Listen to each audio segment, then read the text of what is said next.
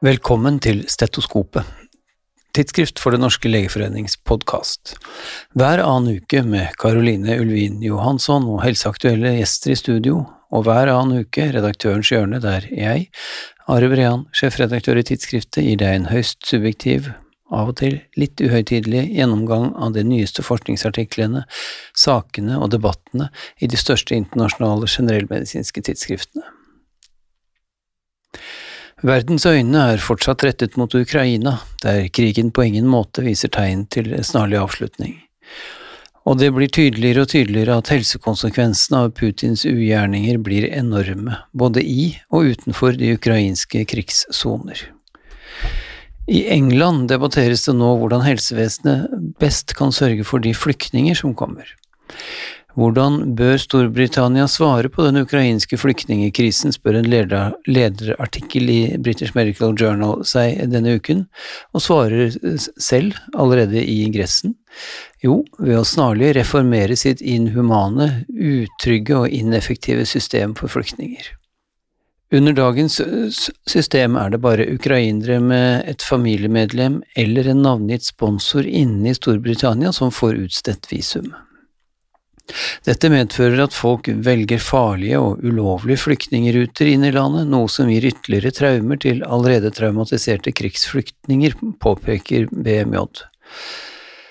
I tillegg må det sikres betydelig bedre boforhold ved ankomst enn dagens dårlige standard, ofte i isolasjon langt ute på landsbygda, og flyktningene må sikres lettere tilgang til adekvat helsehjelp, noe en rapport har påpekt at langt fra er tilfellet i dag. Den britiske regjeringens svar så langt har vært tiltak som av FNs høykommissær for flyktninger har blitt beskrevet som citat, en oppskrift for mental og fysisk uhelse, citat slutt. Og regjeringen har planer om varehuslignende flyktningemottak, og åpner også for mulighet for utsendelse også av ukrainske flyktninger til, av alle steder på jorden, Rwanda. Så langt den britiske responsen på flyktningbølgen, men land betydelig lenger unna enn England og, for den saks skyld, Norge, står i fare for svært mye dystrere konsekvenser enn bølger av flyktninger. En nylig rapport fra Verdens matvareprogram, som refererte i Journal of the American Medical Association denne uken, har beregnet at så mange som 323 millioner mennesker i hele 81 land kan få akutt matmangel som konsekvens av krigen, og hele 47 millioner av disse risikerer å bli skjøvet ut i akutt hungersnød. Årsaken er selvsagt kombinasjonen av at både Ukraina og Russland er store eksportører av hvete og mais, og at Russland er en stor eksportør av olje og gass. Høyere priser og lavere tilgjengelighet på disse varene vil bety at millioner ikke vil ha råd til mat de nærmeste månedene. Og hardest rammet blir landene sør for Sahara, der matvareprisene allerede før krigen var rekordhøye og matusikkerheten allerede er stor. Nå haster det å gi humanitær hjelp, samt å sikre at både produksjon og transport av matvarer blir prioritert så fort som overhodet mulig, skriver Yama. Og imens er koronapandemien fortsatt ikke over, slik vi snakket om i forrige Redaktørens hjørne.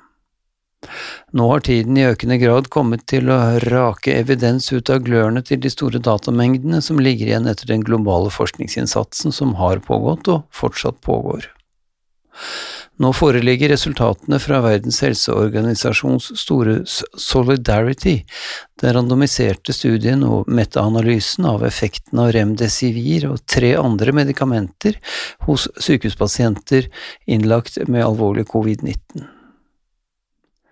Studien ble nylig publisert i The Lancet. Over 14 000 voksne pasienter fra 450 sykehus i 35 land verden over er inkludert. Pasientene måtte ikke ha kontraindikasjoner mot noen av de fire studiemedikamentene.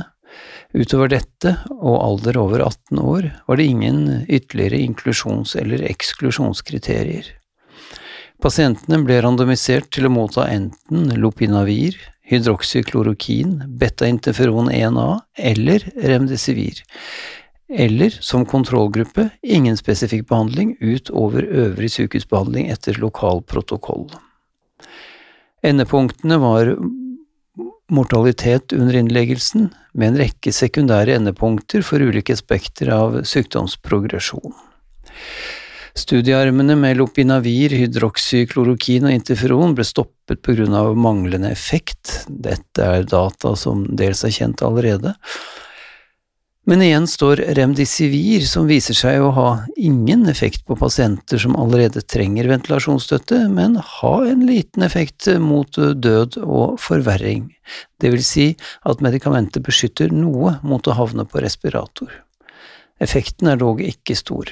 16,9% av pasientene på remdesivir endte på respirator, mot 22,5% av pasientene uten slik behandling. Effekten av remdesivir er altså fortsatt noe uklar, slik Carolina Garcia Vidal og Maurizio Sanguinetti påpeker i en ledsagende kommentarartikkel i The Lancet. Andre studier har ikke funnet klar effekt, og det gjorde heller ikke interimanalysen i den foreliggende studien. Heller ikke denne studien gir altså noe definitivt svar. Vi vet for eksempel svært lite om hvilke undergrupper pasienter som har best effekt av remdesivir. Sannsynligvis har behandlingen best effekt tidlig i sykdomsforløpet når virusmengden er stor. Det er også verdt å legge merke til at pasientene i denne studien i all hovedsak var uvaksinerte, og slik er ikke realiteten lenger, i hvert fall i store deler av verden. I det hele tatt, over to år inn i denne pandemien er det nesten, men bare nesten, fascinerende at vi fortsatt ikke har mer sikker kunnskap om den beste medikamentelle behandlingsstrategien for sykehusinnlagte pasienter med covid-19. Men en diagnostisk covid-19-nyhet har vi da, om ikke annet, å by på i dag. Yama rapporterer nemlig også at den første testen som kan diagnostisere covid-19 i utåndingsluft, nå er godkjent av Food and Drug Administration i USA. Maskinen, som er på størrelse med en stresskoffert, benytter gasskromatografi for å detektere fem ulike komponenter i utåndingsluft. Det tar tre minutter å få svaret etter at man har pustet inn i maskinen, og godkjenningsstudien viser at maskinen korrekt identifiserer 91,2% av positive prøver og 99,3% av negative prøver på øh, tilstedeværelse av øh, koronavirusinfeksjon. De nyeste data viser at dette også gjelder for omikron-varianten men denne testen blir neppe i omfattende bruk med det første. Produsenten kan foreløpig produsere kun 100 maskiner i uken, og hver av dem kan greie 160 prøver hver dag. Dessuten krever maskinen spesialtrent personale under overoppsyn av helsepersonell. Så bomullspinnen i nese eller munn blir vi altså ikke kvitt med det aller første. Vi skal over til long covid, dette noe omstridte syndromet som kan følge etter en akutt uh, covid-19-sykdom, og som er preget av fatigue, tungpusthet, kognitive vansker og en rekke andre symptomer. Forekomsten er usikker, men i England tyder enkelte data på at så mange som 6% av voksne som i pandemiens tidlige fase gjennomgikk covid-19, hadde slike symptomer i kortere eller lengre tid. Det er uh, etter hvert meget vel dokumentert at vaksiner beskytter mot både mild og alvorlig covid-19, men kan de også beskytte mot long covid?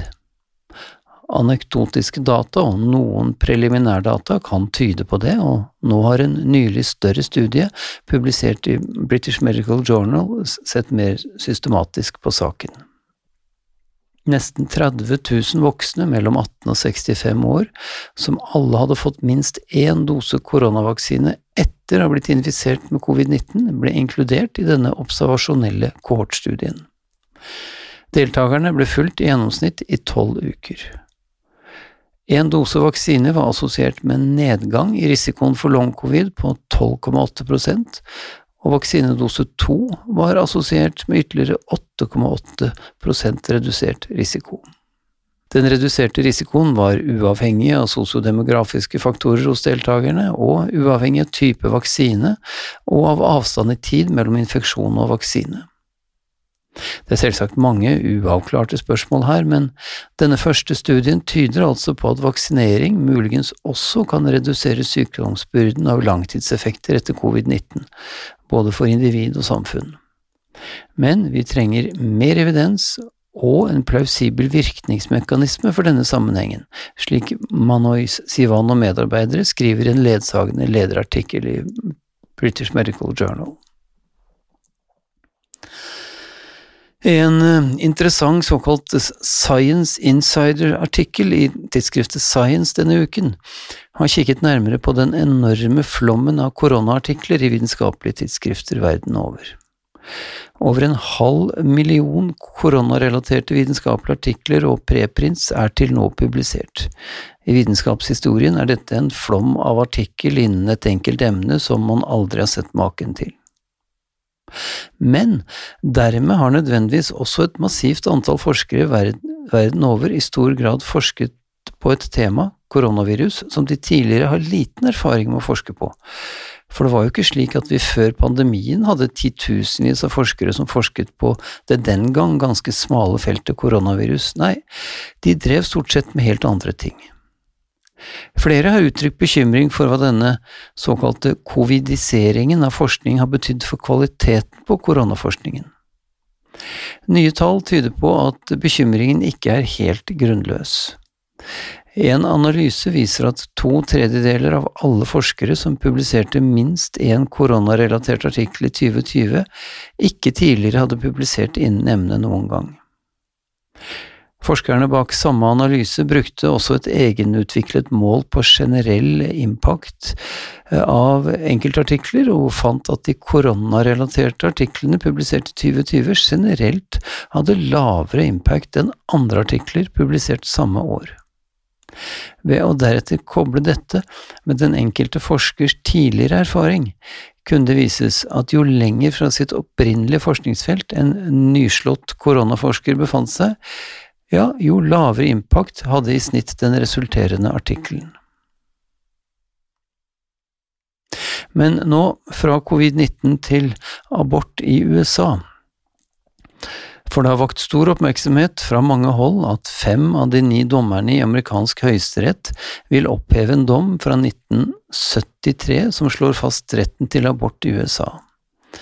Siden USA ikke har noen nasjonal abortlov, vil det, dersom dommen blir opphevet, være hver enkelt stats lovgivning som avgjør om retten til abort skal bestå. Foreløpig ser det ut til at abort vil bli forbudt i om lag 25 av USAs, 20, USAs 50 stater. Samtlige av de største generellmedisinske tidsskriftene har omtalt saken i til dels ganske forferdede vendinger. En lederartikkel i Nature, usignert som alltid, slår med storslegga. Sitat, amerikansk høyesterett tar feil når de ser bort fra evidensen om skaden ved å forby abort, sitat slutt, heter det allerede i tittelen. Og tidsskriftet fortsetter. 50 års forskning viser at aborttilgang er avgjørende for helse og viktig for likhet, skriver de, og viser til at i de 25 statene der abort vil bli ulovlig, vil så mange som 18 18 millioner kvinner i fruktbar alder få mer enn 300 km reisevei for å få tilgang til lovlig abort i andre stater. Allerede, skriver Nature, har USA den høyeste både spedbarns- og mødredødeligheten blant verdens rike land.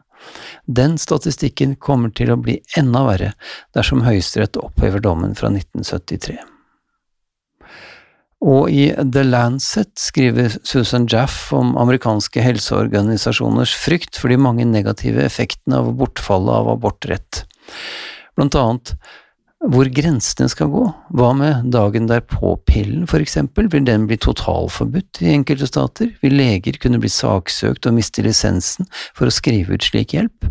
Og hvor skal grensen gå for når hensynet til mor tilsier umiddelbar rapport, eksempel ved kreftbehandling eller akutt sykdom hos mor? Kan helsepersonellet da straffes? Alt dette er foreløpig helt uavklart, og blir sannsynligvis opp til den enkelte stat.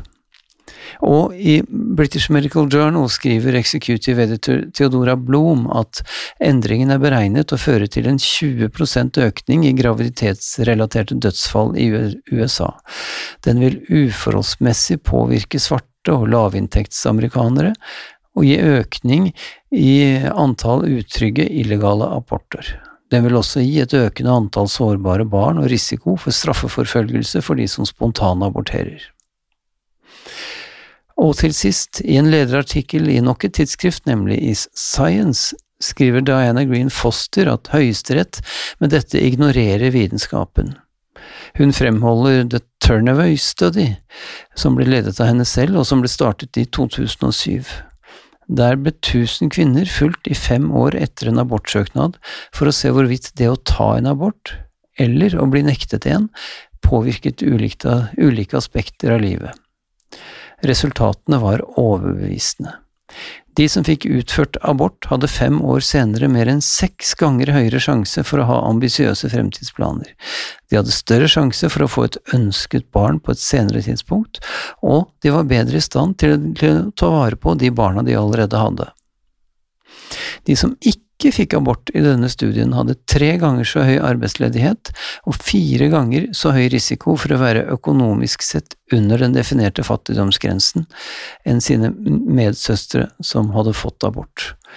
De hadde mer angst, lavere livstilfredshet, dårligere egenrapportert helse, og de var mindre i stand til å ta vare på sine senere barn. Effekten av manglende rett til abort varer altså i generasjoner. Og for å si det litt høytidelig skal vi holde oss til livets opprinnelse en liten stund til, for nå gjelder det nemlig genomdata. Datadeling i forskning er i vinden som aldri før, både tilskyndet av open science-bevegelsen og av, får vi si, den suksessen som utbredt datadeling har hatt når det gjelder å forstå koronaviruset og utvikle vaksiner så raskt som mulig. Det er noe vi i stor grad kan takke datadeling mellom offentlige og private aktører for, slik vi har snakket om her i Redaktørens hjørne før. Og nettopp genomdata er nemlig noe verden får mer og mer av. På tidlig 2000-tall var det to mennesker i hele verden som hadde fått hele sitt genom sekvensert. I 2020 hadde antallet økt til mer enn 30 millioner mennesker, og det er nå estimert at et sted mellom 2 og 40 milliarder gigabyte av nye genomdata genereres hvert eneste år. Dette er en gullgruve for forskning på alt fra sykdommers årsaker til medikamentutvikling, og det nyttige potensialet øker jo mer av disse dataene som kan deles. Men genomdata er kanskje de aller mest personsensitive dataene som finnes, og de har store potensialer for misbruk. I en lederartikkel i Nature Medicine tas det nå til orde for en bred diskusjon om hvordan vi best kan bruke all denne informasjonen til vårt felles gode, uten å gå på akkord med sentrale etiske og personvernmessige hensyn. Både teknologiske, etiske og juridiske fagmiljøer må involveres, skriver Nature Medicine, i tillegg til representanter for både pasientgrupper og det generelle samfunn. Det er ingen enkel jobb, og det vil kreve både en massiv internasjonal innsats så vel som spesifikke nasjonale løsninger men hvem som skal ta det overordnede ansvaret for utvikling av bedre retningslinjer og lovregulering på dette vanskelige feltet, tar ikke lederartikkelen stilling til. Det er i seg selv ganske symptomatisk for kompleksiteten i akkurat denne problemstillingen. Så, aller sist i dag, en rask nyhet om operaterapi. Ja, du hørte riktig, opera. For en studie publisert i tidsskriftet Lancet Respiratory Medicine, som refererte i siste utgave av British Medical Journal, viser god effekt på flere av symptomene på kortpusthet ved long covid. Og effekten den kommer av en intervensjon med én times online, altså digital sangundervisning, én gang i uken. Programmet er satt i gang av den engelske nasjonaloperaen, og deltakerne læres sangmessige pusteteknikker. Studien viste at deltakernes livskvalitet også økte sammenlignet med en kontrollgruppe. Så fortsett for all del å synge i dusjen eller annensteds inntil vi høres neste gang.